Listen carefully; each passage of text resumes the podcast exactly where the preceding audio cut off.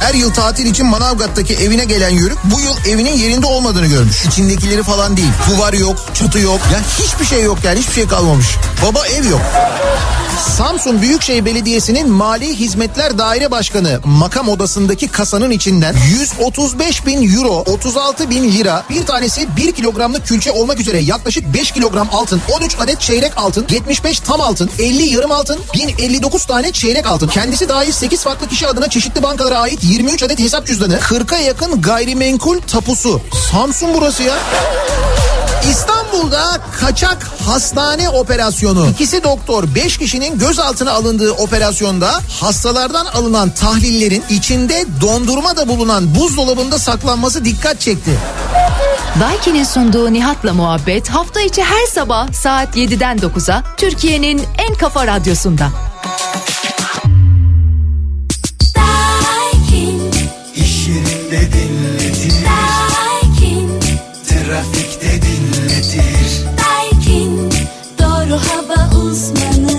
Daiki'nin sunduğu Nihat'la muhabbet başlıyor.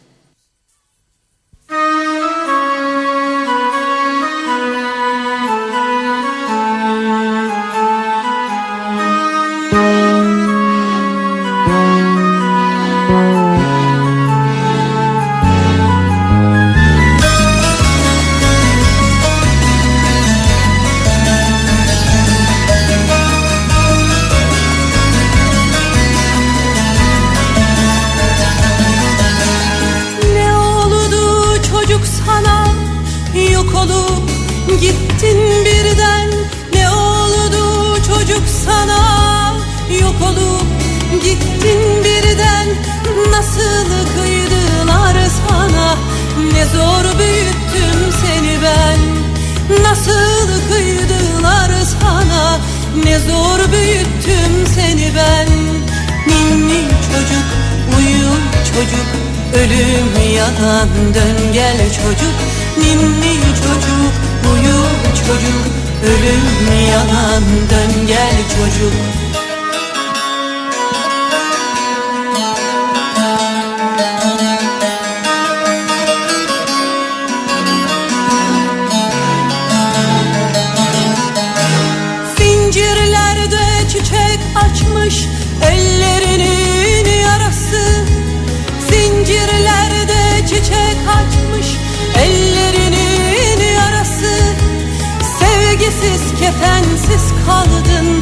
soğuktur şimdi orası. Sevgisiz kefensiz kaldın. Soğuktur şimdi orası.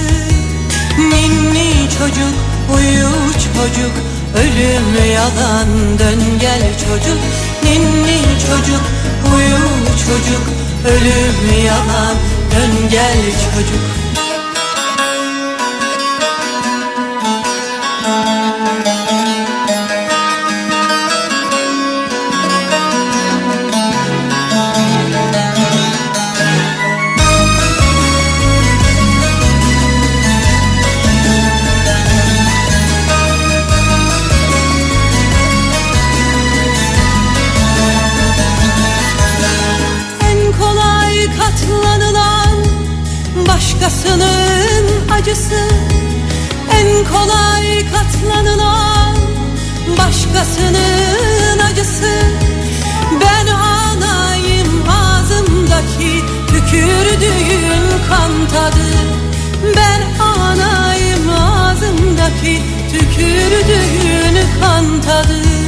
Ninni çocuk?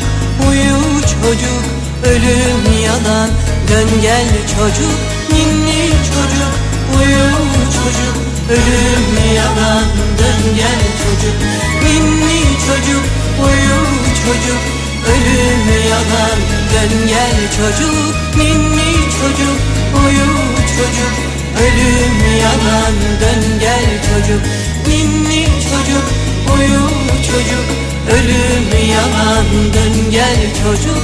Ninni çocuk uyu çocuk. Ölüm yalan dön gel çocuk. Ninni çocuk uyu çocuk. Ölüm yalan dön gel çocuk. Ninni çocuk uyu çocuk. Ölüm yalan dön gel çocuk. Ninni çocuk çocuk. Ölüm yalan dön gel çocuk. uyu Türkiye'nin en kafa radyosundan, kafa radyodan hepinize günaydın. Yeni günün sabahı günlerden perşembe tarih 11 Mart 7'yi 7 dakika geçiyor saat. Gökyüzünün gri bulutlarla kaplı olduğu rüzgarlı hatta zaman zaman fırtınalı ve aynı zamanda yağmurlu bir İstanbul sabahından sesleniyoruz. Türkiye'nin ve dünyanın dört bir yanına. Bir adı var mı bunun hiç bilmiyorum Bazen kendime tahammül edemiyorum Bil istediğim sen benim görebildiğim kadarsın eksik belki fazla. Ama incecik bir kadınsın.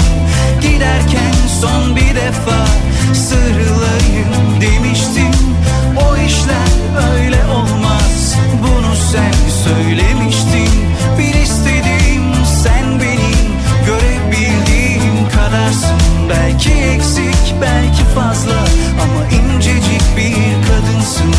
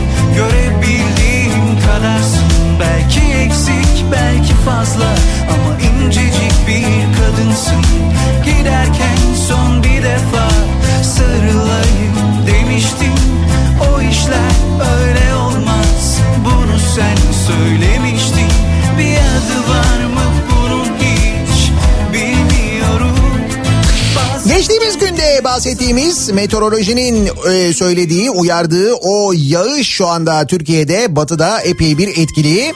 İstanbul için kuvvetli yağış uyarısı bugün için dün meteoroloji tarafından yapıldı. Sabahın ilk saatlerinden itibaren ki şu anda durum öyle. Kuvvetli Poyraz'la birlikte rüzgarın hızı saatte 70 kilometreyi bulabilir deniyor. Etkili bir yağış bekleniyor. Yağış öğle saatlerine kadar Rüzgarsa geceye kadar devam edecek sonra etkisini kaybediyor. Yarın yeniden hava biraz daha normale dönüyor. Anlık görüntülere baktığımızda ise sadece İstanbul'da değil mesela şu anda Bursa'da, Yalova'da, e, Balıkesir'de hatta Çanakkale tarafında Suya hasret çöllerde beyaz ki Bilecik, Bolu tarafına doğru da bu yağışın ilerlediğini görüyoruz aynı zamanda. Hatta oralarda tabii havanın daha da soğuk olmasına bağlı olarak bu yağışın kara dönme ihtimali de söz konusu. Bu hep böyle Edirne, Kırklareli tarafında da yine yağış durumu söz konusu. bir menekşe kokusunda seni aramak var ya Bu hep böyle böyle gider Böyle yağmurlu sabahlar. Bak beni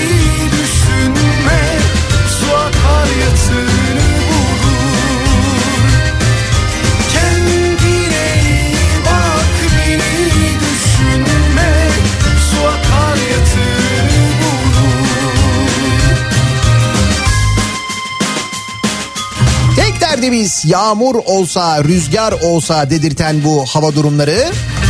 Ama bu değil işte korona gibi bir derdimiz var. Ve sevgili dinleyiciler bugün Tam bir yıl oluyor. 11 Mart tarihinin böyle bir özelliği de var aynı zamanda. Türkiye'de ilk vakanın görülüşü 11 Mart. Bütün dünyada yaşanan pandemi paniğinin kafamıza dank edişinin yıl dönümüdür bugün. Pandeminin Türkiye'de başlangıç tarihi diyebileceğimiz 11 Mart. Hemen ardından gelen kapanmalar, o ilk zamanlar panik durumu Ki bir yılda yaşadıklarımızı şöyle bir düşündüğümüz zaman? Mesela ilk zamanlar yaşadığımız o maske e, bulamama durumu hatırlayınız. Öyle gider mi? Bir kardeş selamından seni aramak Biz maske bulamazken maskeler böyle el altından kara borsa satılırken Kendine o sırada e, askeri nakliye uçaklarıyla dünyanın üstelik gelişmiş ülkelerine işte Amerika'sına, İngiltere'sine tıbbi malzemeler gönderdiğimiz o günler hatırlıyor musunuz o günleri? Bir yıl geçmiş üstünden bir yıldır devam ediyor pandemi süreci. Buna bağlı olarak kapanmalar, kısıtlamalar, sokağa çıkma yasakları, karantina durumları ve bir yılda yaşadığımız şeylerin ne kadar çok olduğunu şöyle düşününce yani o bir yıl boyunca yapılanlar, doğru yapılanlar, yanlış yapılanlar, uzmanların açıklamaları, uzman olmayanların açıklamaları, uzmanım diyen ama aslında e, kendi şovunun derdinde olanların açıklamaları ki onları da öğrenmiş olduk.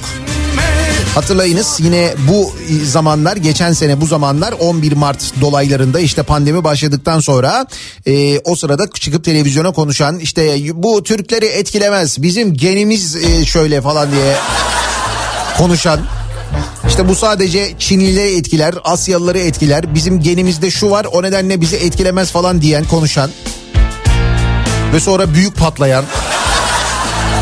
Ama Murat Anmunga'nın çok güzel sözünde söylediği gibi Türkiye'de her şey olursunuz ama asla rezil olamazsınız sözü var ya. İşte bak şimdi mesela onu söyleyen adam bugün yine televizyonda akıl veriyor millete. Nasıl? Bir yıl geçti üstünden ya bir yıl yani. Bir küstüm bir daha barışamadım Hafızanın ne kadar e, yani hafıza konusunda ne kadar zayıf olduğumuzun da aslında göstergesi. Şimdi düşünüyorum mesela bu bir yılda başka neler olmuş diye. Uzlaşırsam namerdim Ateşe verseler Garanti muhabbetlere Yılaşamadım Sağlık Bakanı'nın açıklamasının böyle herkesin nefes nefese beklediği, o açıklamaların canlı yayınlarda aktarıldığı o günler hatırlayınız.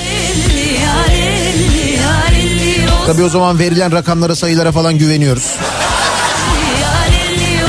Ki o zaman o rakamlara o sayılara güvenilmemesi gerektiğini o zaman da konuşuyorduk biz. Türk Tabipler Birliği de uyarıyordu. Hatta Türk Tabipler Birliği o kadar çok uyardı ki tukaka oldular ondan sonra. Terörist oldular tabii hemen ardından. Ama Türk Tabipler Birliği'nin söylediğinin doğru olduğu, o rakamların doğru olmadığı da ortaya çıktı. Bizden vaka sayılarının gizlendiği, işte vakanın ayrı, hastanın ayrı falan tutulduğu. Bunları sonra öğrendik değil mi bu geçen süreç içinde? Bak bir yılda neler olmuş. Herkesin münasip birer dayısı var E insanoğlu bu iyisi ayısı var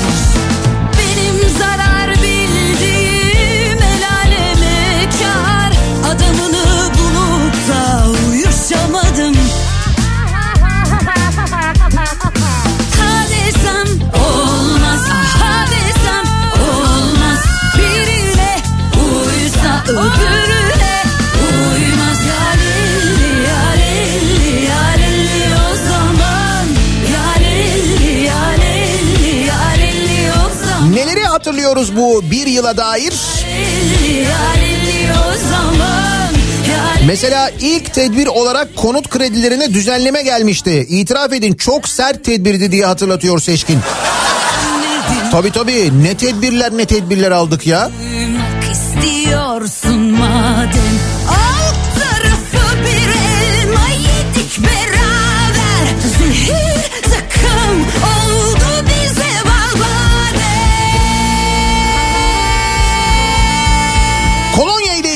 yaşanan mesela kriz hatırlayınız. Kolonya fiyatlarının acayip yükselmesi, kolonya bulunamaması. Tanıdık var mıydı ya kolonya firmasında kendimiz yapabiliyor muyuz falan tartışmaları o dönem hatırlayın. Kolonya ile ilgili çok fazla e, yine bir tartışma olmuştu. Bir yıl olmuş Türkiye'de ilk korona vakası tespit edildiğinin üzerinden bir yıl geçmiş ki daha önce aslında Türkiye'de korona vakalarının da olduğu sonrasındaki süreçte ortaya çıktı. Ama işte biz yine de 11 Mart'ı e, böyle bir başlangıç tarihi olarak alıyoruz. Sonra mesela e, birçok kısıtlama getirilirken Umre'ye müsaade edilmesi ve Umre'den dönenlerin ve hastalık taşıyanların döndükten sonra gittikleri şehirlerde hastalığı yaymaları bunları da hatırlayın. Sonra gelen tepkiler üzerine karantinaya alınmaları, karantinaya alındıkları yurtlardan kaçmaya çalışmaları.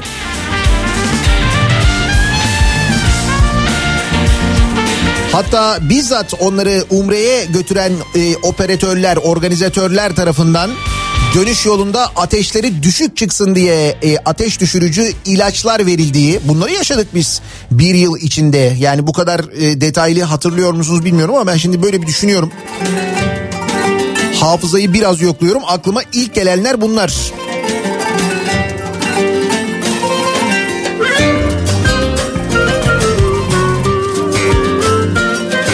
Sonra yine önlem olarak uçak biletlerindeki KDV'nin indirilmesi mesela. Tabii ilk başta çok sert önlemler aldık biz ya.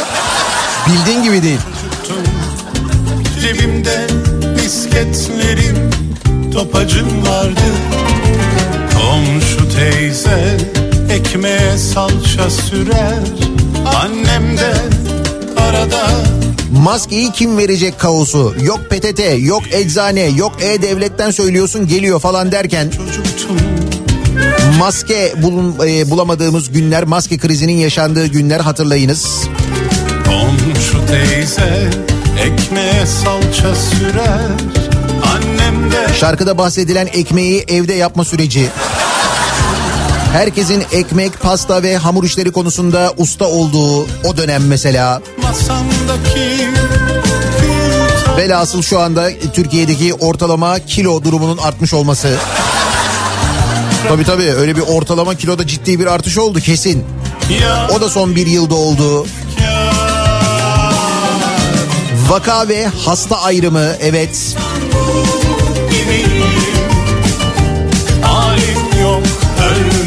Umre'den döndükten sonra e, bir öğrenci yurdunda karantina altına alınan ve kaçmaya çalışan bir amcanın polisin yüzüne tükürmesi mesela hatırlıyor musunuz onu? Onu hatırlatmış bir dinleyicimiz doğru. Gibiyim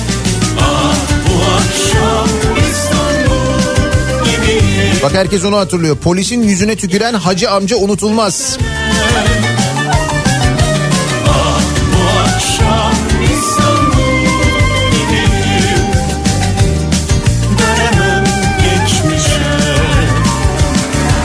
Kelle paça var. Tabii canım. Kelle paça için bir şeycik olmaz. Bunu da duyduk mesela. Hem de tıbbi tavsiye olarak bizzat bir bilim insanından duyduk bunu.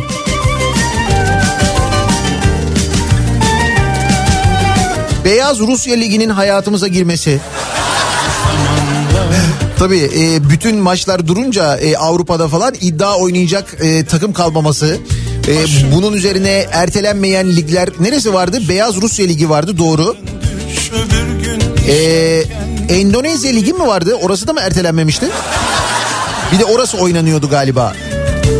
bir zamanlar Marketlerin talan edilmesi, yapılan makarna stokları.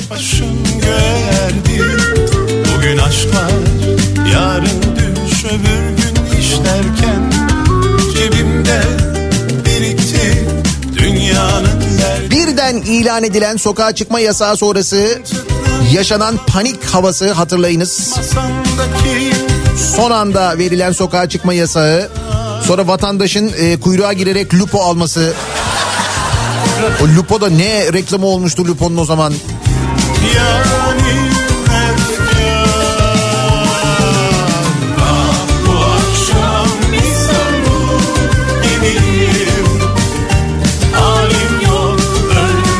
Otobüsten indirilip kaçırılmaya çalışılan VIP hasta.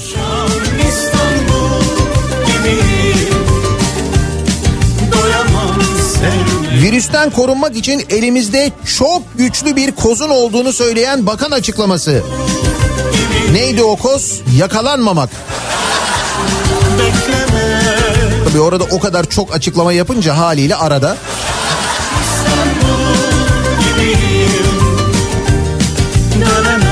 geçmişe Bak iddiacılar hatırlı, hatırlıyorlar. Kazakistan Ligi vardı. Nikaragua Ligi vardı evet. Bir yıl olmuş bir yıl 11 Mart bugün ve pandemide birinci yılını geride bırakıyor Türkiye ve bakın bir yılda neler neler yaşamışız.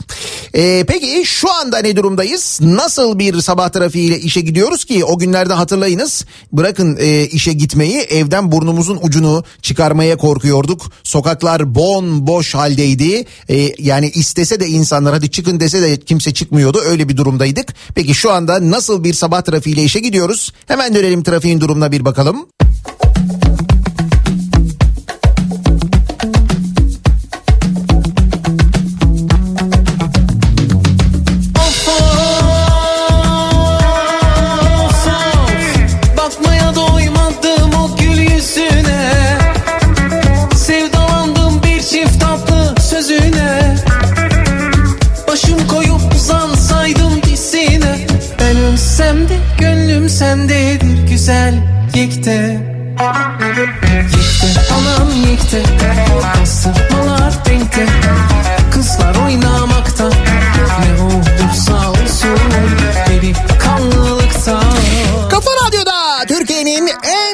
Radyosunda devam ediyor. Daha 2'nin sonunda Nihat'la muhabbet. Ben Nihat Sırdar'la. Perşembe gününün sabahındayız. Tarih 11 Mart.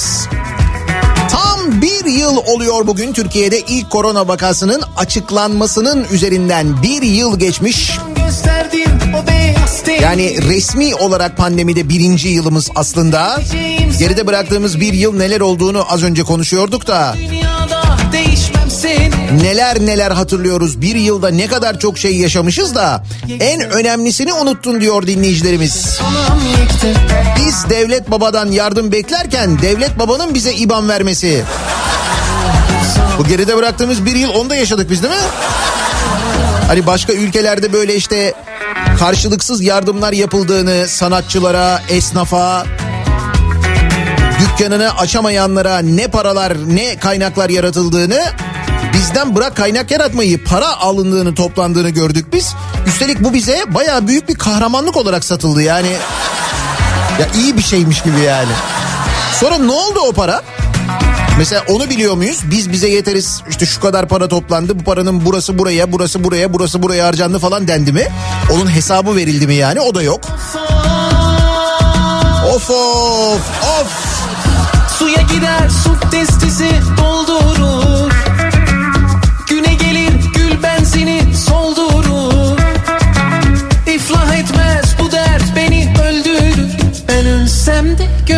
sendedir güzel yekte Yekte anam yekte Bastırmalar renkte Kızlar oynamakta Ne olursa olsun Beni kanlılıkta Şimdi bunlar tabii genel olarak yaşadıklarımız. Bu pandemi döneminde bir de kendi yaşadıklarımız var. Bireysel yaşadıklarımız var. İleride çocuklarımıza, torunlarımıza anlatacağımız pandemi anılarımız var ki o pandemi anıları konusuna bu akşam yayınında çok böyle derin bir şekilde gireceğiz. Pandemi anıları konuşacağız bu akşam.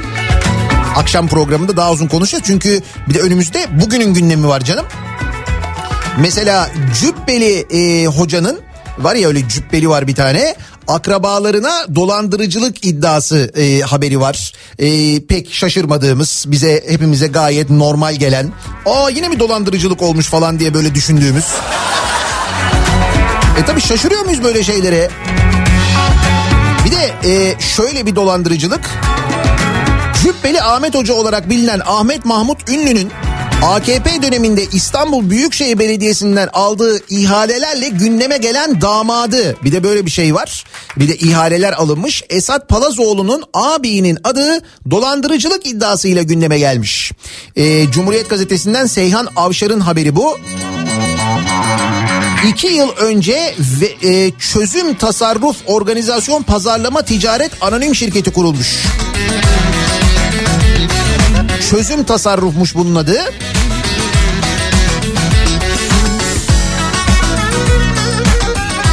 Bazı vatandaşlar çözüm tasarrufa para yatırırken şirket yöneticileri tarafından faizsiz helal para denilerek ikna edildiğini söylemiş. Para yatıran AK isimli bir vatandaş yaptığı açıklamada bir arkadaşım vesilesiyle duydum. Faizsiz helal para dedikleri için bu işe girdim. Güvenerek elimdeki avucumdaki parayı yatırdım. Bana Aralık ayında toplu bir para ödemesi yapılacağı söylendi. Sözleşmeyi böyle düzenledik ama halen ödenen bir şey yok. Zaman geçtikçe benim gibi çok fazla mağdur olduğunu gördüm ve şirket tarafından sürekli oyalanıyoruz. Doyulur mu doyulur mu canana kıyılır Cananına kıyanlar hakkın kulu sayılır Helal para. Geçmiş olsun. O arkadaşlar için helal mesela. Onlara hiçbir şey olmaz çünkü biliyoruz biz değil mi? Bu zarar kapatılır kapatılmaz giderilir giderilmez o da muhtemelen devlet tarafından olur. Ama bunu yapan arkadaşlara eminiz ki bir şey olmaz değil mi? O konuda hepimiz hemfikiriz yani. Bize leblerime meze Doyulur mu doyulur mu Ve daha bunun gibi neler neler patlayacak bakın göreceksiniz. Aslında çok basit e, hep konuşuyoruz ya işte mesela bu saadet zinciri denilen sistemleri kuranlar var. O sistemde diyor ki sana işte ben diyor senin diyor paranı diyor bir ay sonra şu kadar vereceğim diyor. Bakıyorsun verdiği paraya yani işte faiz diyebilirsin onun adına kar payı diyebilirsin onun adına fark etmez aynı şey zaten. Bir bakıyorsun mesela koskocaman bir bankanın verdiğinin e, iki misli para. Yani hiç düşünmüyor mu insanlar gerçekten? Yani bu koskocaman banka bu kadar verebilirken bu kadar varlığı olan işte şu kadar yıllık bir banka bile buna bu kadar verebilirken bu adam kim ki buraya böyle bir tane dükkan açmış tabela koymuş nasıl verebiliyor bu parayı falan diye? Öyle bir sorgulama yok. Çünkü rakam öyle bir cazip geliyor ki. Aynı şey işte bu da. Aynısı yani. Hem bahara hem yaza Yarin ettikleri naza Yar aşkına çalan saza. Doyulur mu doyulur mu? Doyulur mu doyulur mu? Canına kıyılır mı? Canına kıyanlar Azerbaycan'dan gümrüksüz çay ithalatına izin çıkmış. Canına kıyılır mı? Durum Trabzon'da, Rize'de çay üretilen şehirlerde tepkiyle karşılanmış. Dünya çay üretiminde 5. sırada bulunan ve stoklarında da fazlalık bulunması sebebiyle ithali gümrük vergisine tabi olan kuru çayda Azerbaycan'dan ithale izin verilmesine tepkiler sürüyor. Allah Allah niye ki?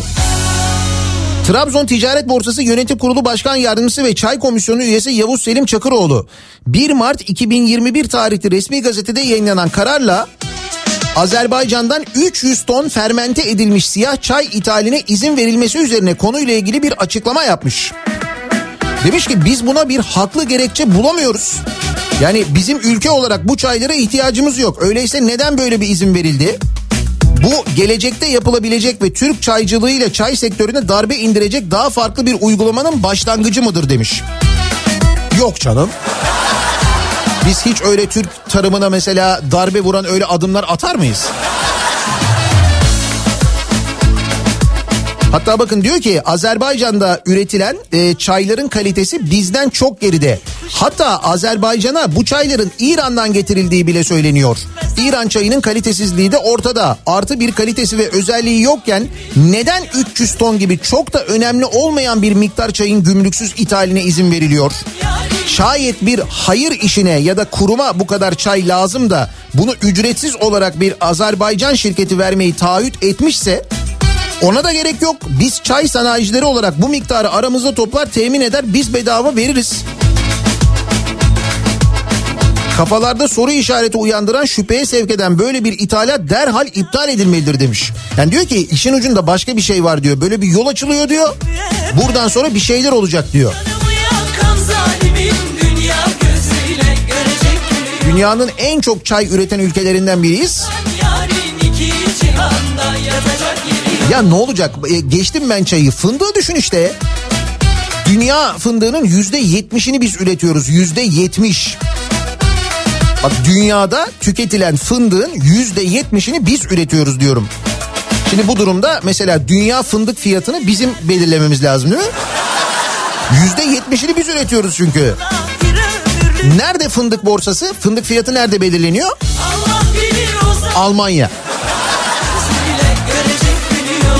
Yani tarımda gerçekten çok iyiyiz. Tarım politikalarımız hakikaten O yüzden bu çay ile ilgili atılan bu adımın da ben çok doğru olduğunu düşünüyorum. Kesin biliyorlardır bir şey.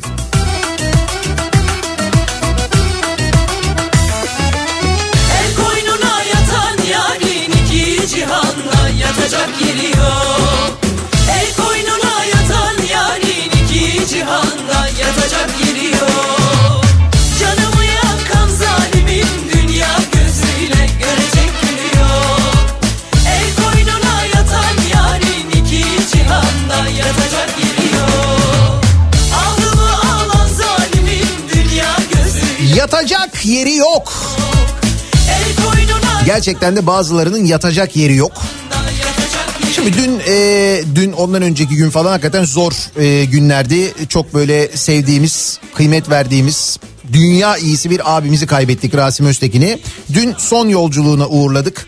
E, tabii ses tiyatrosunda bir tören düzenlendi. E, sınırlı sayıda katılım vardı. O törene işte herkes katılamadı ama asıl orada olması gereken ve ben eminim katılmayı çok istediği halde sağlık sıkıntıları sorunları sebebiyle katılamayan Ferhan Şensoy e, bir e, şiir yazmış bir mektup yazmış ve o mektubu gönderdi. Kızı okudu sahnede mektubu. Şimdi e, Ferhan Şensoy Rasim Öztekin'in ustası. Hepimizden hepimizden çok daha iyi tanıyan bir insan Ferhan Şensoy'u yıllarını birlikte sahnelerde turnelerde geçirmiş bir insan. Dolayısıyla onun söylediği gerçekten çok kıymetli. Onun Rasim Öztekin'in ardından söyledikleri son derece kıymetli. İşte o mektup e, kızı Derya Şensoy tarafından dün sahnede okunuyor. Ses 1885'te e, ve ardından bu mektup e, Anadolu Ajansı tarafından haberleştiriliyor. Fakat şöyle bir sıkıntı var ki e, mektubun sonundaki bir cümle Anadolu Ajansı tarafından kesiliyor sevgili dinleyiciler. Sansürleniyor yani. Yani Feren Şensoy'un, Rasim Öztekin'in ustasının onun ardından söylediği sözlerin tamamını vermiyor Anadolu Ajansı. Gerekçe çünkü o son kelimede son cümlede meyhane geçiyor. Bu yüzden e, sansürlüyorlar. olanlara bak Ya siz nasıl insanlarsınız ya?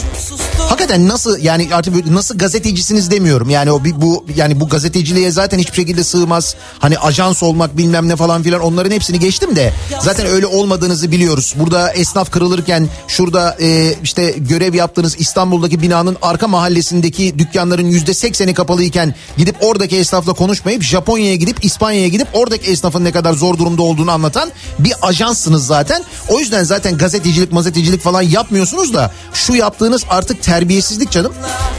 Hakikaten terbiyesizlik yani bu çok ayıp bir şey yani.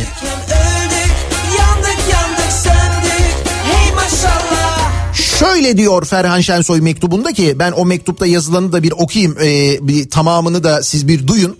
Orta oyuncuların amatör kolu nöbetçi tiyatrodan yetişti Rasim. Kısa sürede orta oyunculara katıldı. Kavuğumu ona devrettim. Orta oyuncularda çok başarılı bir dönem yaşadı. Kimi rahatsızlıklarından ötürü sahneyi bıraktı. Kavuğu Şevket Çoruh'a devretti. Günü geldi uçtu gitti gökyüzüne. Kavuklu fotoğrafı asılı durur. Ses 1885'te. Bir gün ben de uçup geleceğim gökyüzüne. Buluşuruz gökyüzünde neşeli bir meyhanede. İşte aynen böyle. Fakat Anadolu Ajansı e, buluşuruz gökyüzünde sonrasını uygun görmüyor. Neşeli bir meyhanede bölümünü yayınlamıyor. yandık yandık söndük hey Ya ne haddinize nasıl yapıyorsunuz bunu kimsiniz siz? Yani boş ver diyorum ben de içimden bir taraftan ama ya şu Anadolu Ajansı'nın geldiği şu hale bakar mısınız? Yani dünyanın böyle e, takip ettiği, dünyanın en büyük ajanslarının abone olduğu, haber takip etmek için uğraştığı Anadolu Ajansı'nın geldiği hale bak sen. Sen durma Hey hey! Geçecek zamanla Derin nefes alıp susma zamanı bu bu aralar.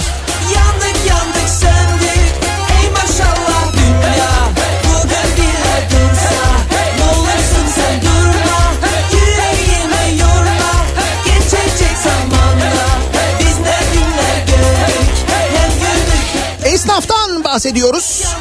Birinci yılı pandeminin bugün 11 Mart bir yıl geçmiş. Şu geçen bir yıl içinde kendi sokağınızda çalıştığınız iş yerinin bulunduğu sokakta caddede her gün geçtiğiniz yollarda yıllardır gördüğünüz kaç esnafın dükkanını kapatmak zorunda kaldığını devretmek zorunda kaldığını bir düşünün sevgili dinleyiciler. Düşünmenize gerek yok şu an kafanızı kaldırıp biraz etrafınıza baktığınızda çok net bir şekilde göreceksiniz. Bakınız bir yılda neler oldu yılların işletmeleri ta Cumhuriyet'in kurulduğu tarihte kurulmuş bugüne kadar sayısız krizi atlatmış işletmelerin bile kapandığına şahit olduk burada konuştuk hatırlayınız.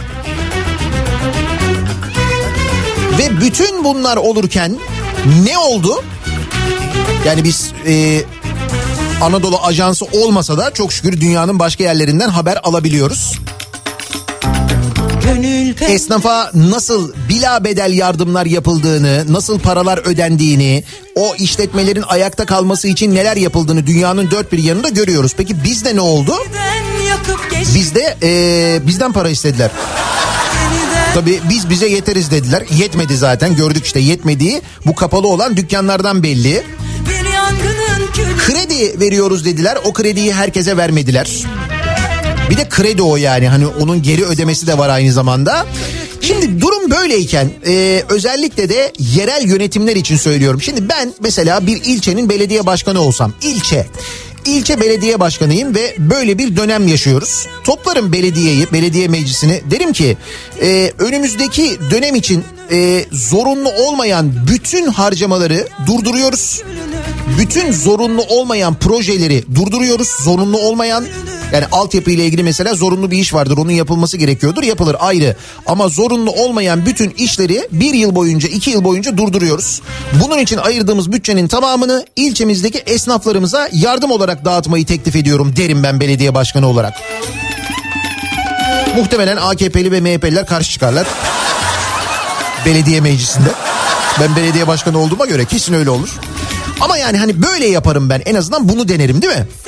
Ya bu zaten mantıklı olan bu değil midir? Olması gereken yapılması gereken şey bu değil midir? Mesela Beykoz işte bizim de şu anda bulunduğumuz ilçe mesela Beykoz ilçesinde benim gördüğüm sadece Beykoz ilçesinin bir bölümünde gördüğüm sayısız kapanan dükkan var. Zor durumda olan esnaf var. Aylardır çalışmayan esnaf var. Bu esnafa bir yardım var mı? Hayır yok ama Çeşmi Bülbül'e 6,5 milyon lira ödeniyor mesela. Çeşmi Bülbül ne?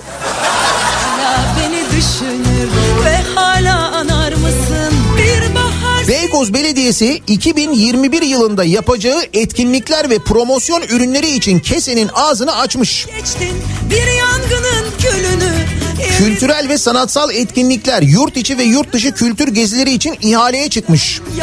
Belediye bu etkinlikler için 12 milyon 840 bin lira ödemiş. Beykoz Belediyesi. yangının külünü 2021 diyor. Söyleşiler, tasavvuf konserleri, sema ayini, yetişkin oyunları, çocuk oyunları, gölge tiyatrosu, illüzyon gösterisi.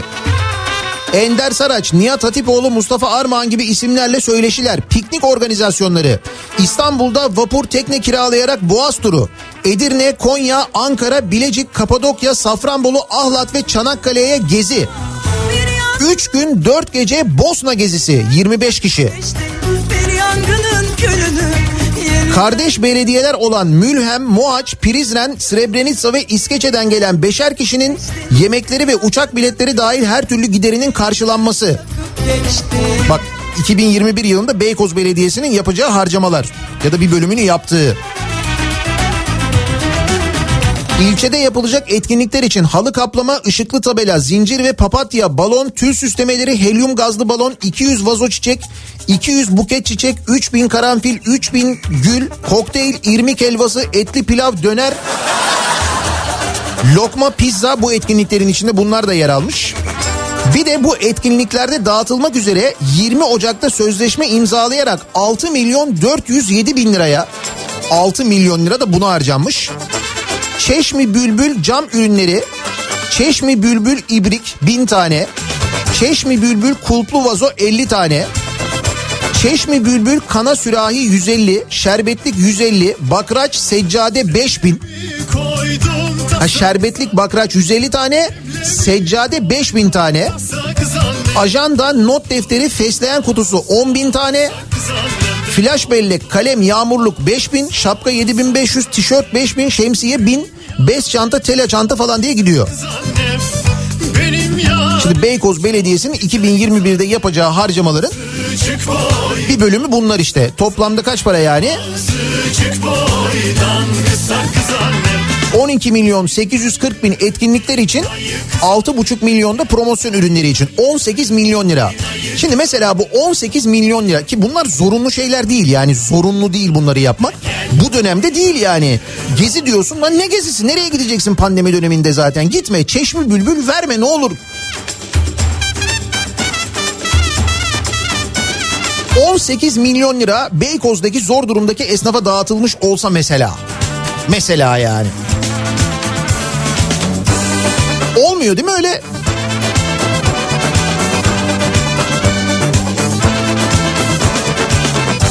Milyon demişken başka bir milyondan bahsedeyim ben size. Ee, Diyanet İşleri'nin 2021 yılı mesleki ve teknik eğitim yatırımları için aldığı ödenek kaç paraymış biliyor musunuz? 54.6 milyon lira.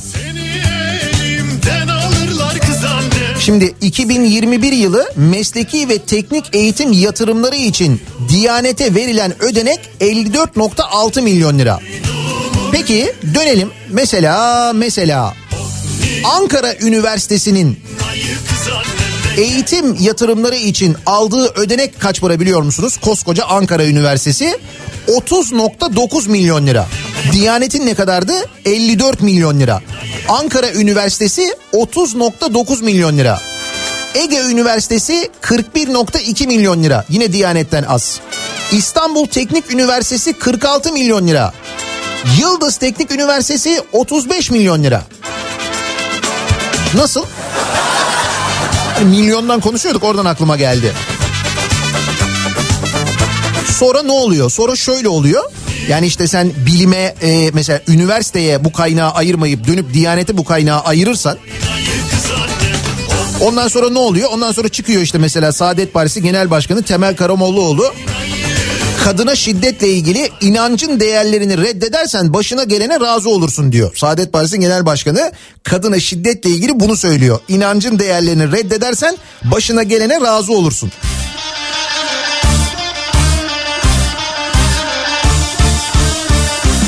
Gördün mü o parayı nereye harcadığının ne kadar önemli olduğunu?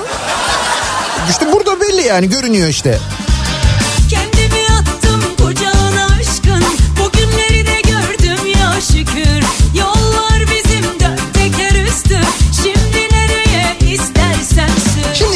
Konuşacağımız konuya gelelim ki dün biraz böyle üstün körü bahsetmiştik ama Ulaştırma Bakanı'nın bu kamu özel işbirliği projelerini savunduğunu e, söylemiştim ya bahsetmiştim. Hatta bunları savunurken e, geçiş ücretlerinin pahalı olması ile ilgili eleştirilere verdiği yanıtı da söylemiştim. Ulaştırma ve Altyapı Bakanı Kara İsmailoğlu geçiş ücretlerinin pahalılığı ile ilgili yaptığı açıklamada işte mesela İstanbul İzmir otoyolu değil mi? İşte mesela Osman Gazi Köprüsü mesela 46 lira olan e, Avrasya Tüneli tek geçiş ücreti tek yönlü geçiş ücreti gibi. Diyor ki kendisi geçiş ücretleri tam tersine dünya standartlarına göre çok uygun demiş. Ya uygun. Bir de geçmiyorsunuz. Ay siz geçmeyince geçmeyen herkes ödemek zorunda kalıyor.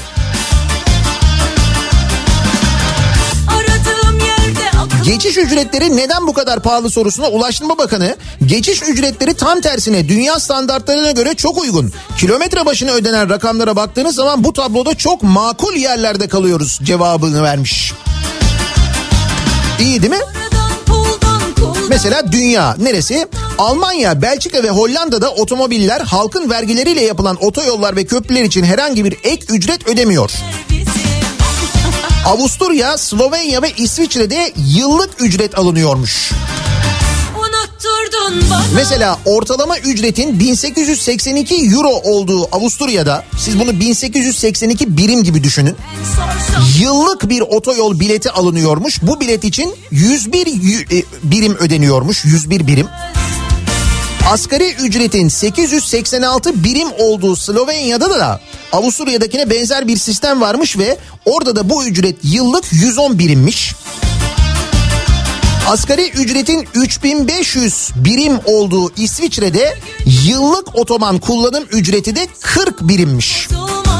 Yani bir sefer 40 veriyorsunuz bir yıl ondan sonra otoyolları kullanıyorsunuz. Mesela asgari ücretin 1522 birim olduğu Fransa'da Paris Kale arasındaki 305 kilometre yola 22 birim ödeniyor. Paris Strasbourg arasındaki 488 kilometrelik yola 39.80 hadi de ki 40 birim ödeniyor.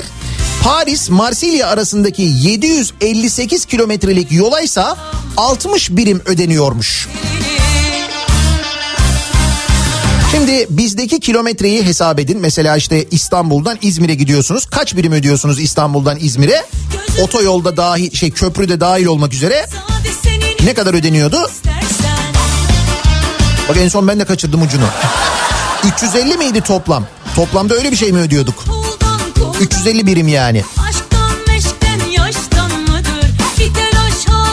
Türkiye'de asgari ücretin 2825 birim olduğu Türkiye'de Osman Gazi Köprüsü'nden geçmek için 147 birim, Yavuz Sultan Selim Köprüsü'nden geçmek için 27,5 birim, Avrasya Tüneli'nden geçmek için 46 birim, Ankara Niğde otoyolunu kullanmak için 144 birim, Gebze, Orhan Gazi, İzmir otoyolunu kullanmak içinse 367 birim ödemek gerekiyor. Nasıl gördün mü? Çok uygun. Uygunmuş değil mi? Heh işte biz de tam o konuyu konuşalım istiyorum. Size göre başka nelerin fiyatı çok uygun Türkiye'de diye soruyoruz dinleyicilerimize bu sabah. Tabii Ulaştırma Bakanı'nın bu açıklaması üzerine mutlaka konuşulmayı hak ediyor. Yeni otoyol ve köprülerin fiyatlarının dünya standartlarına göre çok uygun olduğunu söylemiş Ulaştırma Bakanı. Size göre başka nelerin fiyatı çok uygun ülkemizde acaba diye soruyoruz. Konu başlığımızı böyle belirliyoruz. Çok uygun bu sabahın konusunun başlığı sevgili dinleyiciler. Susar Sosyal medya üzerinden yazıp gönderebilirsiniz mesajlarınızı. Twitter'da böyle bir konu başlığımız, bir tabelamız, bir hashtagimiz an itibariyle mevcut. Çok uygun başlığıyla Twitter üzerinden yazabilirsiniz. 0532 172 52 32 0532 172 kafa WhatsApp hattımızın numarası. Reklamlardan sonra yeniden buradayız. Para bizde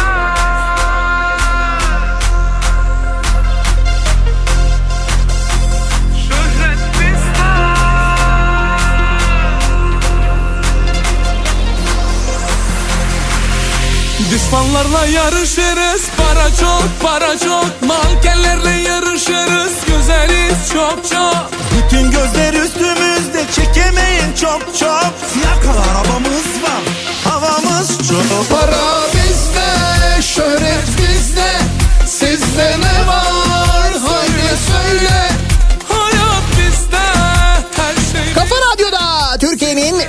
Kafa radyosunda devam ediyor. Daiki'nin sonunda Nihat'la muhabbet. Ben Nihat Sırdar'la. Perşembe gününün sabahındayız. 8'i 6 dakika geçiyor saat.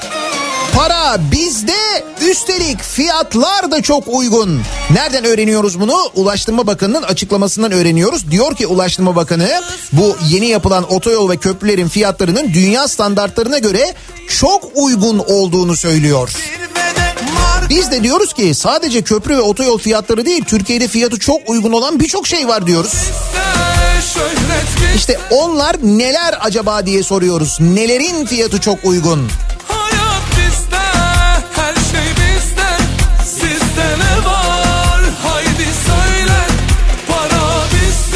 Sıfır araba fiyatları ikinci el fiyatından çok uygun. Ah opsiyoncu Serdar ah. Bir ara bir Serdar vardı değil mi? Sürekli opsiyonluyordu.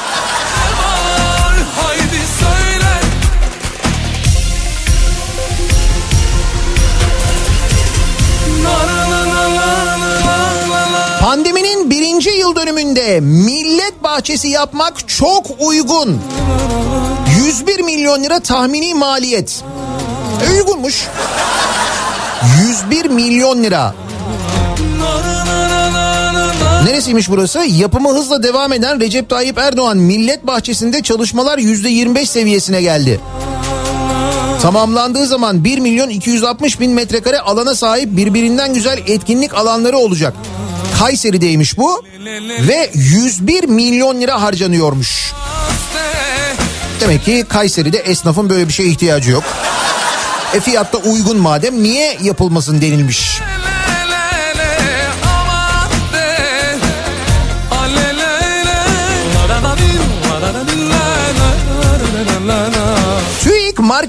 Zincirinde fiyatlar çok uygun. Ah bir de bulabilsek şu marketin yerini. Bu arada e, TÜİK işsizlik rakamlarını aylık açıklamaya başladı.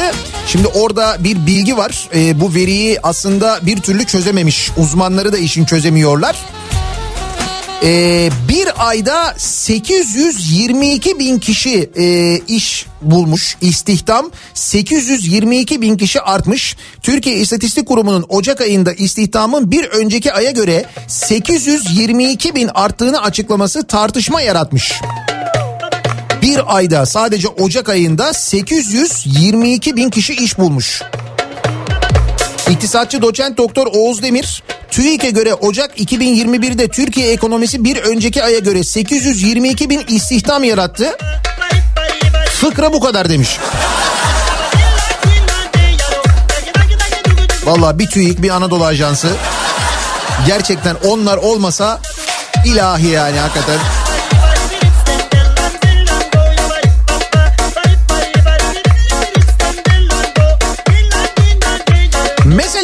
İPhone ücreti çok uygun. Çünkü çiftçilerimiz kullanıyor. Pahalı olsaydı alamazlardı. Hatta onu kafalarına da vuruyoruz değil mi? Ee, şikayet ediyorsun ama kaça aldın o telefonu bakalım? Hadi bakalım. Değil mi? Çok uygun olmasa alamaz yani.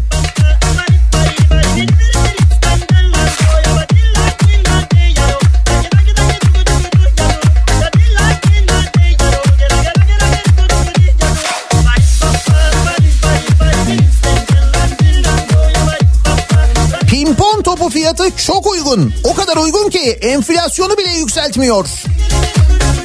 Hatta düşürebiliyor bile. Sepetin içinde olduğu zaman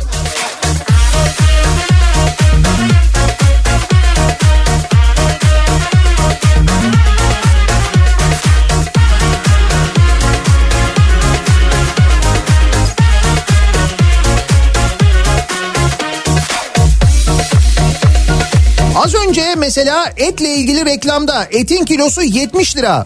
Yurt dışında bu etin kilosu 12 dolar. Yani 12 birim. Bizde 70 birim orada 12 birim. Düşünsene Türkiye'de etin kilosu 12 lira mesela 12 birim yani. Nasıl düşünelim onu ya yani.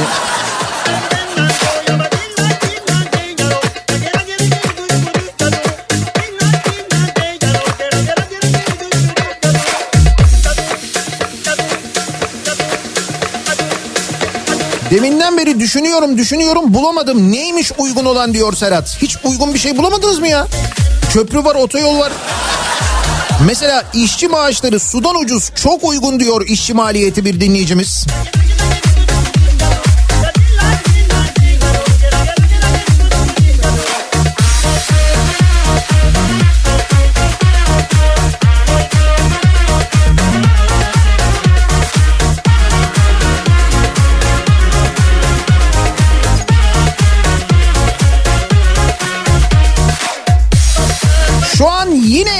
Otobanındayım. Burası çok ucuz, çok uygun, bomboş, lüks. Üstelik bütün ülke ödemede bana yardım ediyor. İyi hissediyorum demiş bir dinleyicimiz. Ya bir de o yollardan giderken böyle bir duygu var ki o da gerçekten çok enteresan. Yani bir taraftan e, sen gidiyorsun ama bir taraftan ödemeyle ilgili bir yardım geldiğini de hissediyorsun arkadan. Güzel duygu yani. Bu sene tatil için otel fiyatları çok uygun. Nereye rezervasyon yaptıracağımızı şaşırdık. Öyle mi? Hiç bakmadım ben e, otel fiyatlarına, tatil fiyatlarına bak.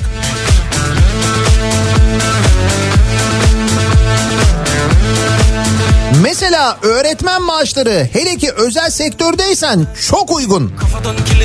Tam böyle okul kurmalık. Ayıp olmazsa seni gördüyse Sallanalım gel sarhoş gibi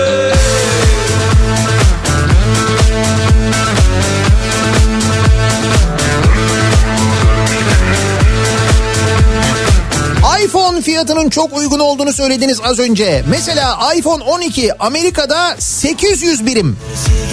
Birim olarak düşünüyoruz birim 800 birim. Bizde kaç birim? 11 bin birim. Uygun yani. Özen göndermiş haklı. Gel yanmış gibi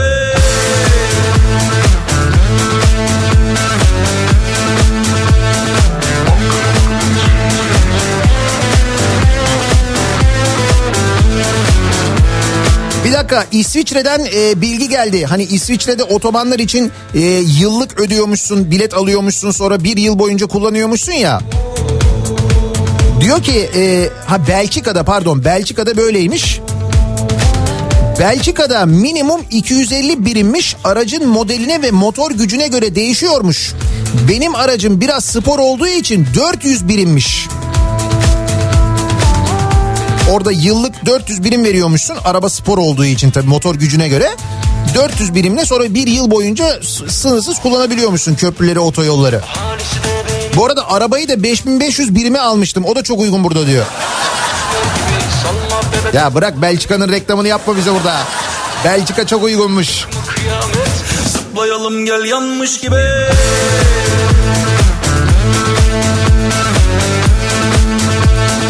Mesela elektrik faturasındaki TRT payı çok uygun.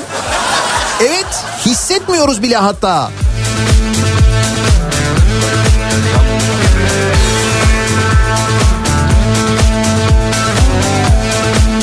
Ayçiçek yağının fiyatı çok uygun diyor mesela Yunus. Şimdi bakanın hesabıyla baktığımızda evet o zaman ayçiçek yağının fiyatı da çok uygun oluyor. Kaldı ki ayçiçek yağının fiyatının uygun olması değil mesele. Mesele ayçiçek yağının orada durması bizim istediğimiz zaman gidip onu görebilmemiz. Görüyor muyuz? Görüyoruz.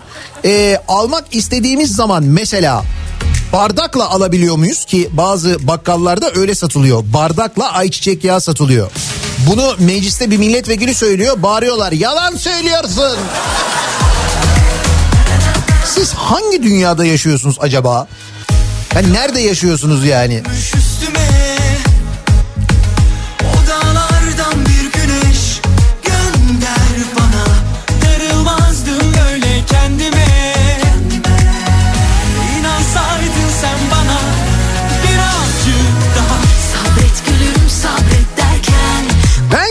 elektrik fiyatı çok uygun diyor bir dinleyicimiz.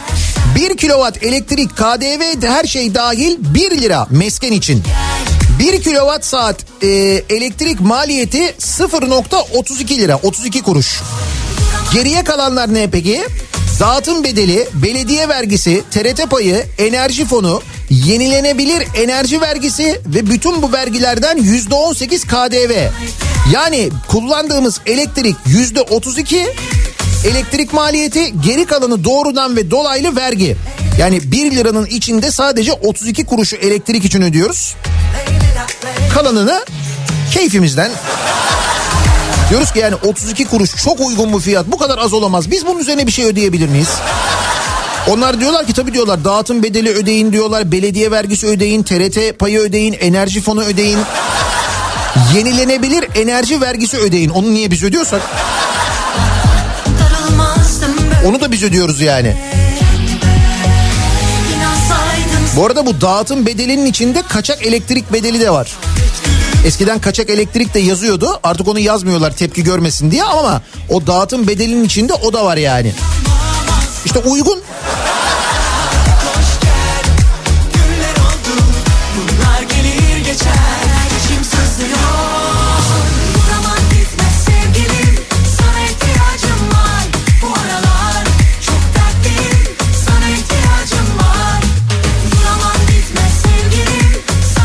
Mesela kargo ile bir zarf gönderimi 31 lira 62 kuruş. Bir tane zarf, küçücük zarf. Gideceği yer Marmaris, İzmir. Çok uygun işte diyor. Evet.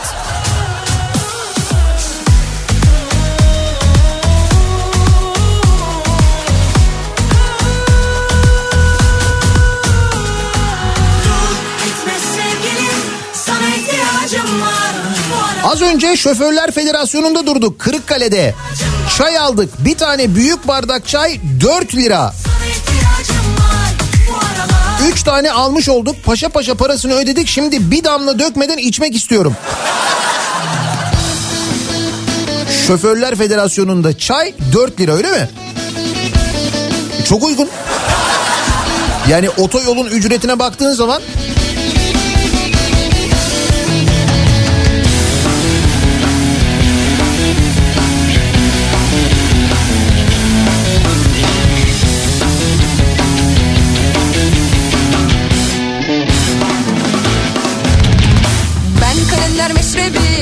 Geçen hafta Bayrampaşa'dan yola çıkıp Bandırma'ya gittik.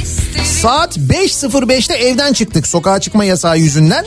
Ama 4.31'de köprüden geçmişiz. Saçları samur Gözleri E80'e Kadıköy'den girip İzmit doğudan çıktık. Ama kayıtlara göre Sapanca'dan girip Kandıra'dan çıkmışız. Yani bu sistemin nasıl çalıştığını biz anlamadık. Sanırım artık geçenden değil sadece geçmeyenden alıyorlar ücreti. Yani geçmezseniz çok uygun diyor Seçkin. Bu aralar bu gişelerdeki OGS ve HGS'lerle ilgili çok şikayet geliyor. Okudu, okumadı, ondan sonra arkasından ceza geldi. Sende kredi var, sende bir sıkıntı yok ama gişede problem var.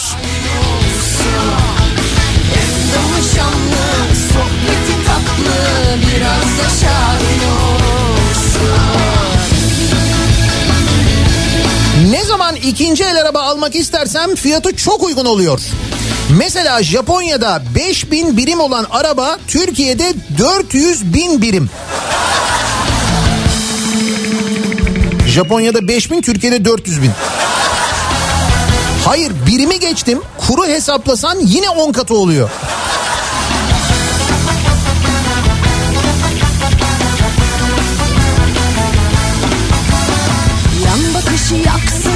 Cilvesi yıksın Olursa böylesi Böylesi olsun. Yan bakışı yaksın Cilvesi yıksın.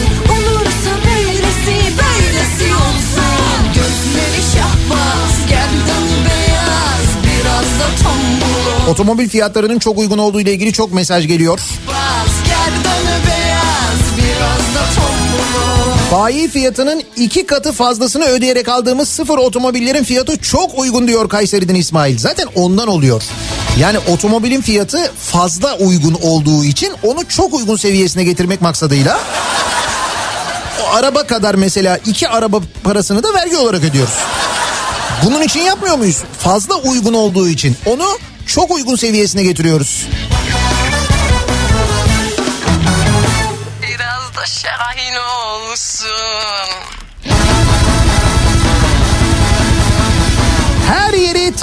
olan ülkemizde müzeler bedavadan biraz pahalı. Hele ki Topkapı Sarayı çok uygun diyor dinleyicimiz. Ki bilmiyorum haberiniz var mı son günlerde gelen zamlardan e, müzelere mü- giriş ücretleriyle ilgili zamlardan.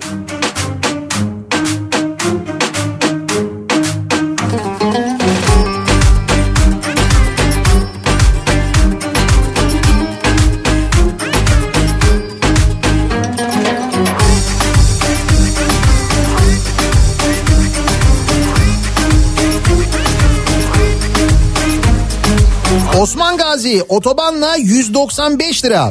Velev ki 15 gün içinde ödemedin cezası 4 katı toplamda 1000 lira ödüyorsun. Yani köprünün cezası da çok uygun.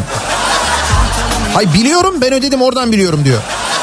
Bak cezası da çok uygunmuş. Soyuna sopuna sapına kadar gördük Ana dili yan dili kuş dili çözdük Uzlaşma dediğimiz yozlaşma Aşk ile şevk ile derdiler öldük İşte onu diyor dinleyicimiz. Sıfır araçların fiyatları çok uygun. Hatta o kadar uygun ki bir tane kendimize iki tane de devletimize alıyoruz. Bu duruma karşılık bir de ikinci el arabalar var. Onlar sıfırlardan da uygun.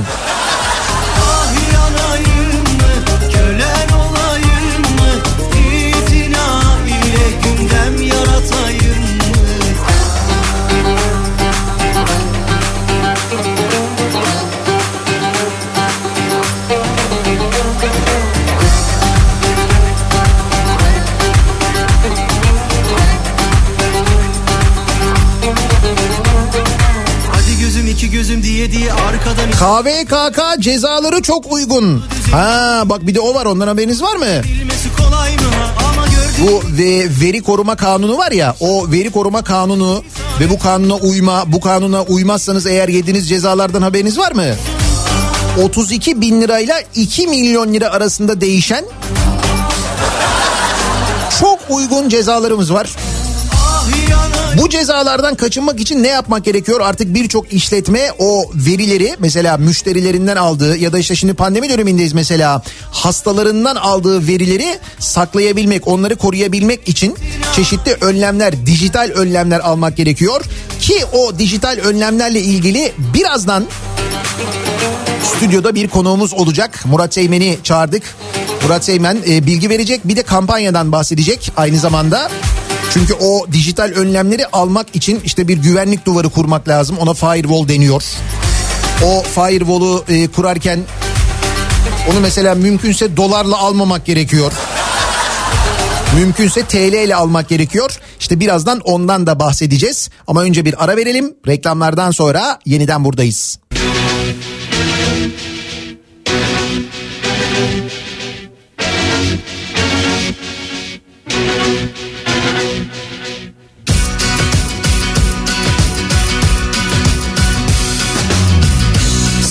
Saatim yok. Tam olarak bilemem. Biraz bira Biraz şarap önceydi Nasıl oluyor Kafa Radyo'da Türkiye'nin en kafa radyosunda devam ediyor. Daiki'nin sunduğu Nihat'la muhabbet. Ben Nihat Sırdar'la Perşembe gününün sabahındayız ve devam ediyoruz yayınımıza. Az önce de söylediğim gibi bu sabah yayında bir konuğumuz var. Zaman zaman stüdyomuzu e, teknolojik konularla ilgili ziyaret eden Murat Seymen bu akşam da bu sabah da özür dilerim. Bu sabah da bizlerle birlikte. Şimdi e, Murat'a soracağımız soru aslında yine teknoloji ile ilgili ve bugünlerde muhtemelen birçok yerde duyduğunuz şu K ve KK meselesiyle ilgili ki bu mesele gerçekten artık insan hayatını e, ilgilendiren bir mesele ki o KVKK yasasının uygulanmasıyla alakalı da e, neden bu yasa uygulanıyor? Çünkü pandeminin de başlamasıyla birlikte e, bu hani e, siber saldırılar konusu artık insan sağlığını tehdit eder vaziyete gelmiş vaziyette. Çünkü dünyanın birçok yerinden sağlık sektörüne yapılan siber saldırılarla ilgili haberler geliyor. Hatta geçtiğimiz günlerde hatırlarsanız Kuzey Koreli hackerların e, aşı üreten firmaların veri tabanına bir saldırı gerçekleştirdi ve aşının formülünü öğrenmek istediği, aşının formülünü çalmak istediği ile ilgili de haberler vardı. İşte e, biz de bu siber saldırılar yani sağlığımızı da tehdit eden siber saldırılarla ilgili konunun uzmanını ki saldırdığı için değil tabii hani siber saldırı ama e, en azından konu hakkında bilgi sahibi olduğu için Murat Seymen'i stüdyomuza davet ettik. Muratçım günaydın.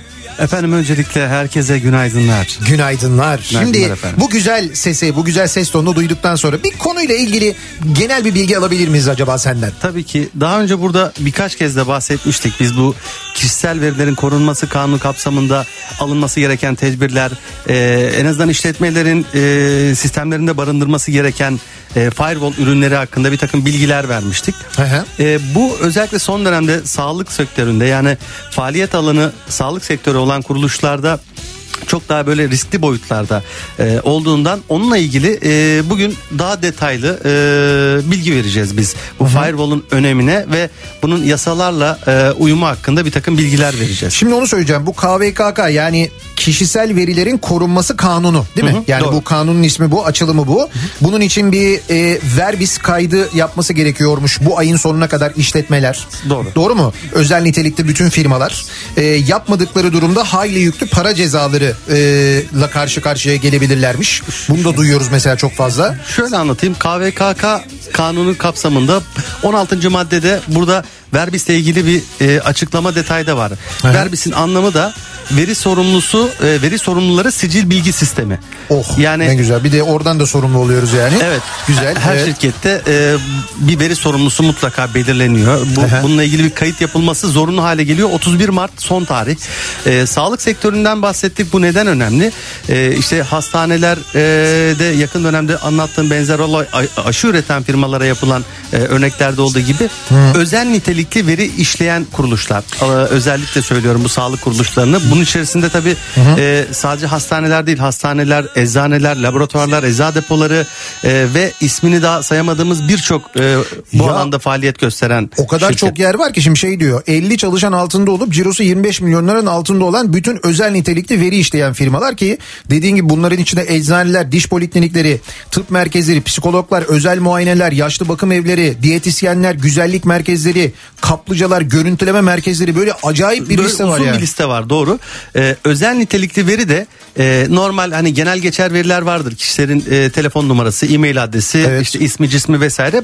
Bunları zaten birçok kişi istiyor. Bununla ilgili veri tutmak zaten zorunlu. Evet. Ama özel nitelikli veri de özellikle sağlık kuruluşlarında kişinin kan grubu, daha önce geçirdiği hastalıklar, e, alması e, işte de- devam edecek olan ilaçların periyodu, Tamam. e, ameliyat olduysa onun bilgisi vesaire belki de mahrem bilgileri. Tamam peki bu bilgiler mesela bizde var ve biz bu bilgileri e, koruyamadık ve işte birileri geldi bir siber saldırıyla ele geçirdi. O zaman bunun e, Çok ağır yaptırımları var. O, ne 39 kadar sıkışıyor araya yani onu 30 benim bildiğim kadarıyla 39 bin lira ile 2 milyon lira arasında değişen bir e, cezai yaptırımı var. E, yön- 39 binle Evet. 2 milyon lira arasında. arasında yönetmelikte belirlenmiş kurallara aykırı e, hareketten e, bu tarz cezalarla karşı karşıya kalabilirsiniz. Bu işin maddi tarafı artı kaybettiğiniz itibar parayla ölçülemez. Ha, zaten o evet o daha kötü. Peki şimdi burada ne yapacağız? Ee, o zaman demek ki bir siber güvenlik oluşturmamız gerekiyor verilerimizi korurken. Biz e, biz de mesela Kafa Radyo'da kullanıyoruz aynı zamanda değil mi? Biz nasıl bir siber güvenlik duvarı oluşturmuş vaziyetteyiz? Biz ne kullanıyoruz? Biz fiziki bir firewall ürünü kullanıyoruz. Evet. Ee, daha önce de anlattığımız, bugün de yine anlatmaya devam ettiğimiz e, Berknet'in e, firewall'unu kullanıyoruz. Evet. Ee, bu ürün e, aynı zamanda kanunlarla, yönetmeliklerle de uyumlu bir ürün.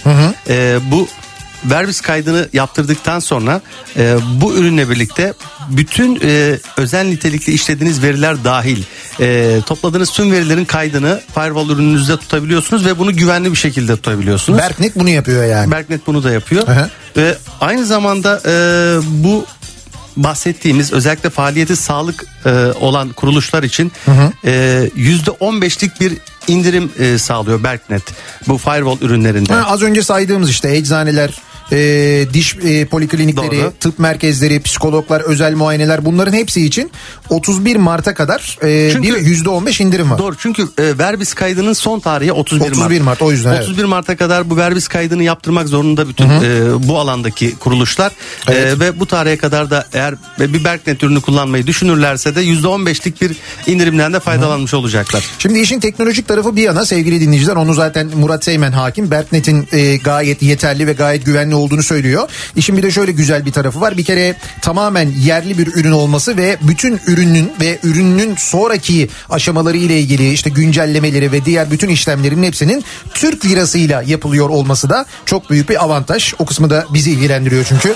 o tarafı da yani oranın hakikaten Kesinlikle. Türk lirasıyla yapılıyor olması da son derece önemli. Hani böyle dolar arttı, dolar düştü falan gibi bir endişeniz olmuyor. Fiyatı sabit belli yani. Sabit Türk lirası e, ve diğer muadil e, işte dolarla upgrade edilen ürünlere göre de çok daha Çok uygun. daha uygun fiyatlı. Peki nasıl ulaşırsınız? Ee, şöyle ulaşıyorsunuz. Berknet.com'a e, girerek ulaşabiliyorsunuz. Ki kodlarsak eğer şöyle kodluyoruz. Bursa, Edirne, Q Niğde, Edirne, Trabzon.com bu şekilde e, kodlayabiliriz. E, Zaten web sitesinde bütün detaylı bilgilere de ulaşabileceksiniz. Evet berknet.com'dan da detaylı bilgilere ulaşabiliyorsunuz. Son günün 31 Mart olduğunu 31 Mart'a kadar böyle bir %15 ekstra indirimin olduğunu da ayrıca hatırlatalım. Ee, KVKK'yı hatırlatalım. Ee, 39 bin liradan 2 milyon liraya kadar ceza yiyebileceğinizi özellikle hatırlatalım. Ki bu aralar biliyorsunuz ceza konusunda son derece şeyiz. e, böyle Katıyız, değil mi? e, çok katıyız ve bu aralar ihtiyacımız var. O nedenle bu önlemleri almakta fayda var. Çok teşekkür ediyoruz Ben Murat teşekkür Seymen. ederim. Yine sabahın bu saatinde seni buralara kadar yorduk. Sağ Her ol, var zaman. ol. Her zaman. Bunları sarları salla salla beni salla Vallahi geldim oyuna Gördüğünüz gibi cezalar da çok uygun. Salla 39 bin lirayla 2 milyon arası canım yani. Neler çok uygun acaba diye bu sabah soruyoruz. Ulaştırma Bakanı'nın açıklaması, Ulaştırma Bakanı'nın köprü ve otoyol ücretlerinin dünya standartlarına göre çok uygun olduğunu söylemesi üzerine biz bu sabah konuşuyoruz. Mesela diyor ki Yılmaz dün Şekerpınar'dan Beylikdüzü'ne Kuzey Marmara otoyolunu kullandım. Geçsem de ödüyorum geçmesem de nasıl olsa dedim. İlk gişede 8,5 lira yazdı. Aa çok uygun dedim. Sonra köprüyü geçince haşırt 84 lira. Biraz daha gittim Çatalca çıkışta bir 25-50 yazdı. Arada da bip bip sesleri geldi ama onları tam anlayamadım diyor. Sen neden Bir de arada olanlar var tabii onların fiyatlarını göremiyoruz. Onu böyle bilgisayara girersek falan oradan görebiliyoruz. O zaman da onun duygusu çoktan geçmiş oluyor zaten. Anlamıyorsun tam olarak ne olduğunu yani. fark etmesen de Dünya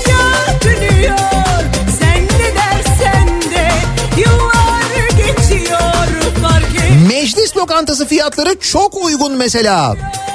Ha, biz gidemiyoruz o ayrı ama canım illa mecliste yemek zorunda da değilsin. Ankara'da yemeği yiyorsun mesela milletvekiliysen Denizli Çivril Belediyesi'ne yazdırabiliyorsun.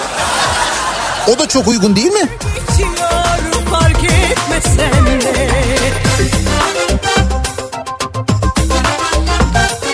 Belki de Sayın Bakan köprüler ve otoyollar çok uygun. Siz fakirsiniz demek istiyor olabilir. Diyor Sabri. Yok canım öyle bir şey demiyordur herhalde ya. yıpratmış O şen sesini Gülen gözlerin Gülemez oğlum Türkiye'de asgari ücret çok uygun diyor Uğur Çağlar. İnanmazsanız İsviçre örneğine bakın. Adamlarda asgari ücret o kadar pahalı ki birçok şey almışlar. Hayır yüzsüzlük parayla araya araba da sıkıştırmışlar.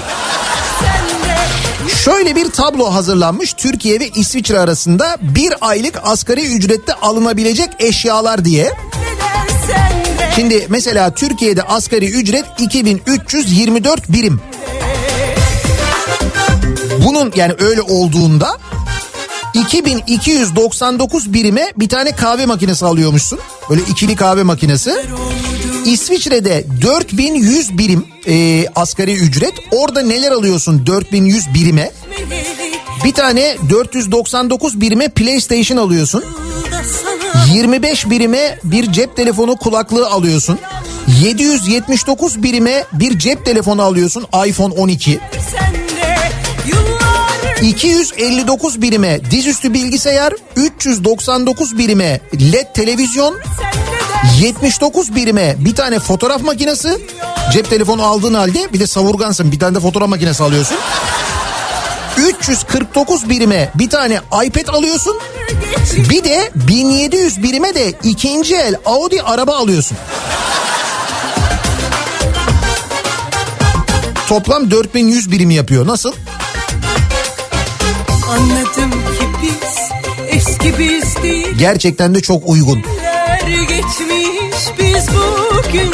Şimdi tabii hal böyle olunca biz ne yapıyoruz? Mümkün olduğunca ne kadar çok uygun olsa da kampanyaları elimizden geldiğince takip ediyoruz. Ki Opet'lerde devam eden bir kampanya var. Çok kısaca ondan bahsedeceğim. Şimdi mesela Opet e, istasyonlarına girdiğinizde ultra marketleri görüyorsunuz. O ultra marketlerde biliyorsunuz her şey var.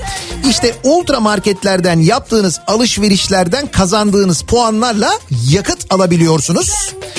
Yıl sonuna kadar devam eden bir kampanya var. Ultra Market'ten Opet kartla yapacağınız alışverişlerde %5 oranında yakıt puan kazanıyorsunuz sevgili dinleyiciler. Sen Kazandığınız yakıt puanlarla da deponuzu dolduruyorsunuz. Detaylı bilgiyi opet.com.tr'den öğrenebilirsiniz. Ama yani gerçekten de market alışverişi yapacağınız zaman ya da işte her şey var hakikaten de Toy Shop'tan Rozman'a, T-Tek'ten işte e, Otomix'e, can yayınlarına kadar her şey var Opet Ultra marketlerde. Oradan yaptığınız alışverişleri Opet kartla yapıyorsunuz. Yaptığınız harcama kadar düşünün yıl boyunca devam ediyor. Puan kazanıyorsunuz %5 bununla da yakıt alıyorsunuz. Her ne kadar yakıtın fiyatı çok uygun olsa da. Neden faydalanmayalım değil mi?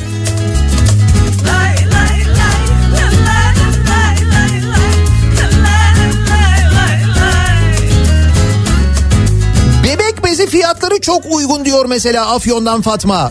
Tanesi 1 lira 80 kuruş. Bebek 1 yaşında günde ortalama 10 lirayı çöpe atıyoruz.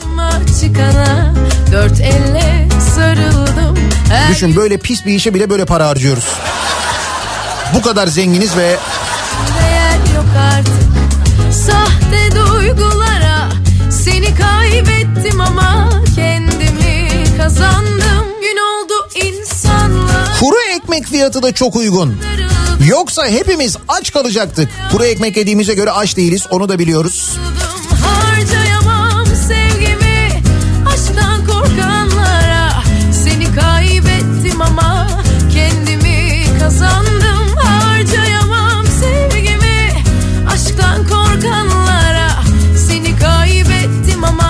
Elektronik eşya fiyatları o kadar uygun ki elektronik marketler ürün satabilmek için özellikle bilgisayar, telefon gibi ürünlerde bankalarla anlaşarak ayaküstü kredi tahsis ediyorlar. Konut alır gibi diyor İzmir'den Baran. Çünkü kredi kartıyla taksitlendirme yasaklandı ya. Onun için e, ayaküstü hakikaten kredi alıyorsun cep telefonu alırken. Cep telefonunu banka kredisiyle alıyoruz düşün. Böyle söyleyince daha net anlaşılıyor değil mi? Zayıf günlerim oldu. Ne olsa insandım. Kutsal bir duyguydu aşk. Sevdim yanıldım. Kalbimde yer yok artık. Sahte duygulara Seni kaybettim ama kendimi kazandım. Gün oldu insanlara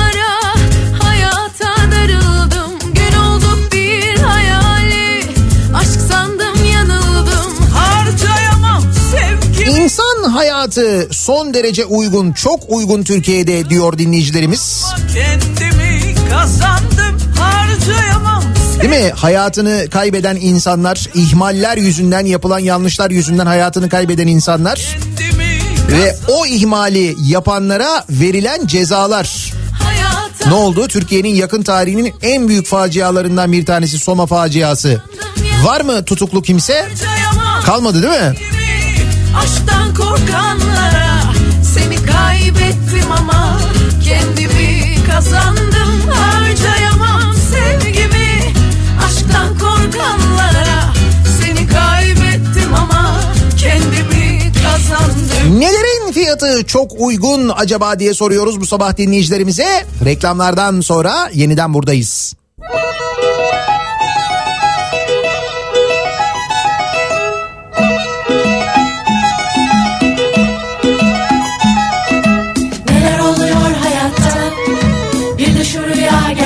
Olsa olsa Sabah olup uyanınca Her şey yine aynı kalsa Beni unuttu sanmıştım. Bir de baktım ki işte orada orada Anladım ki çok yanılmışım. Beni seviyormuş oysa Onun sesi ta kendisi. Geri gelmiş demek Sensiz diyor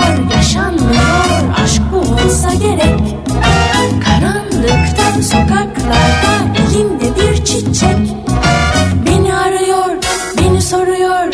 Hayırdır inşallah. Hey! Neler oluyor hayatta?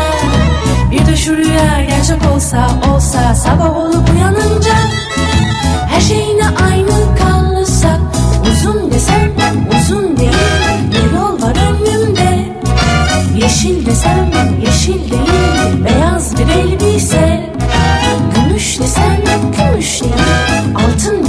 gözlükle Bana bakıyor gülümsüyor Hayırdır inşallah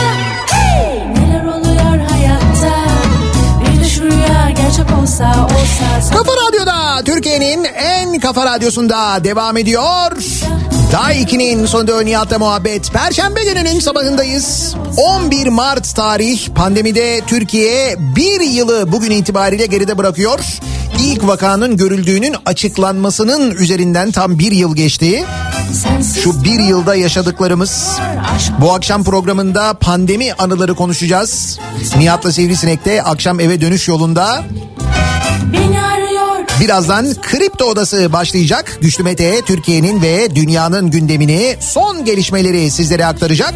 gerçek olsa olsa Sabah olup uyanınca Her şey yine aynı Yağmur e, ve kazalar epey ciddi bir trafik oluşturmuş vaziyette. Trafikte dinleyenlere sabır dileyerek mikrofonu Güçlü Mete'ye devrediyoruz. Tekrar görüşünceye dek sağlıklı bir gün geçirmenizi diliyorum. Hoşçakalın.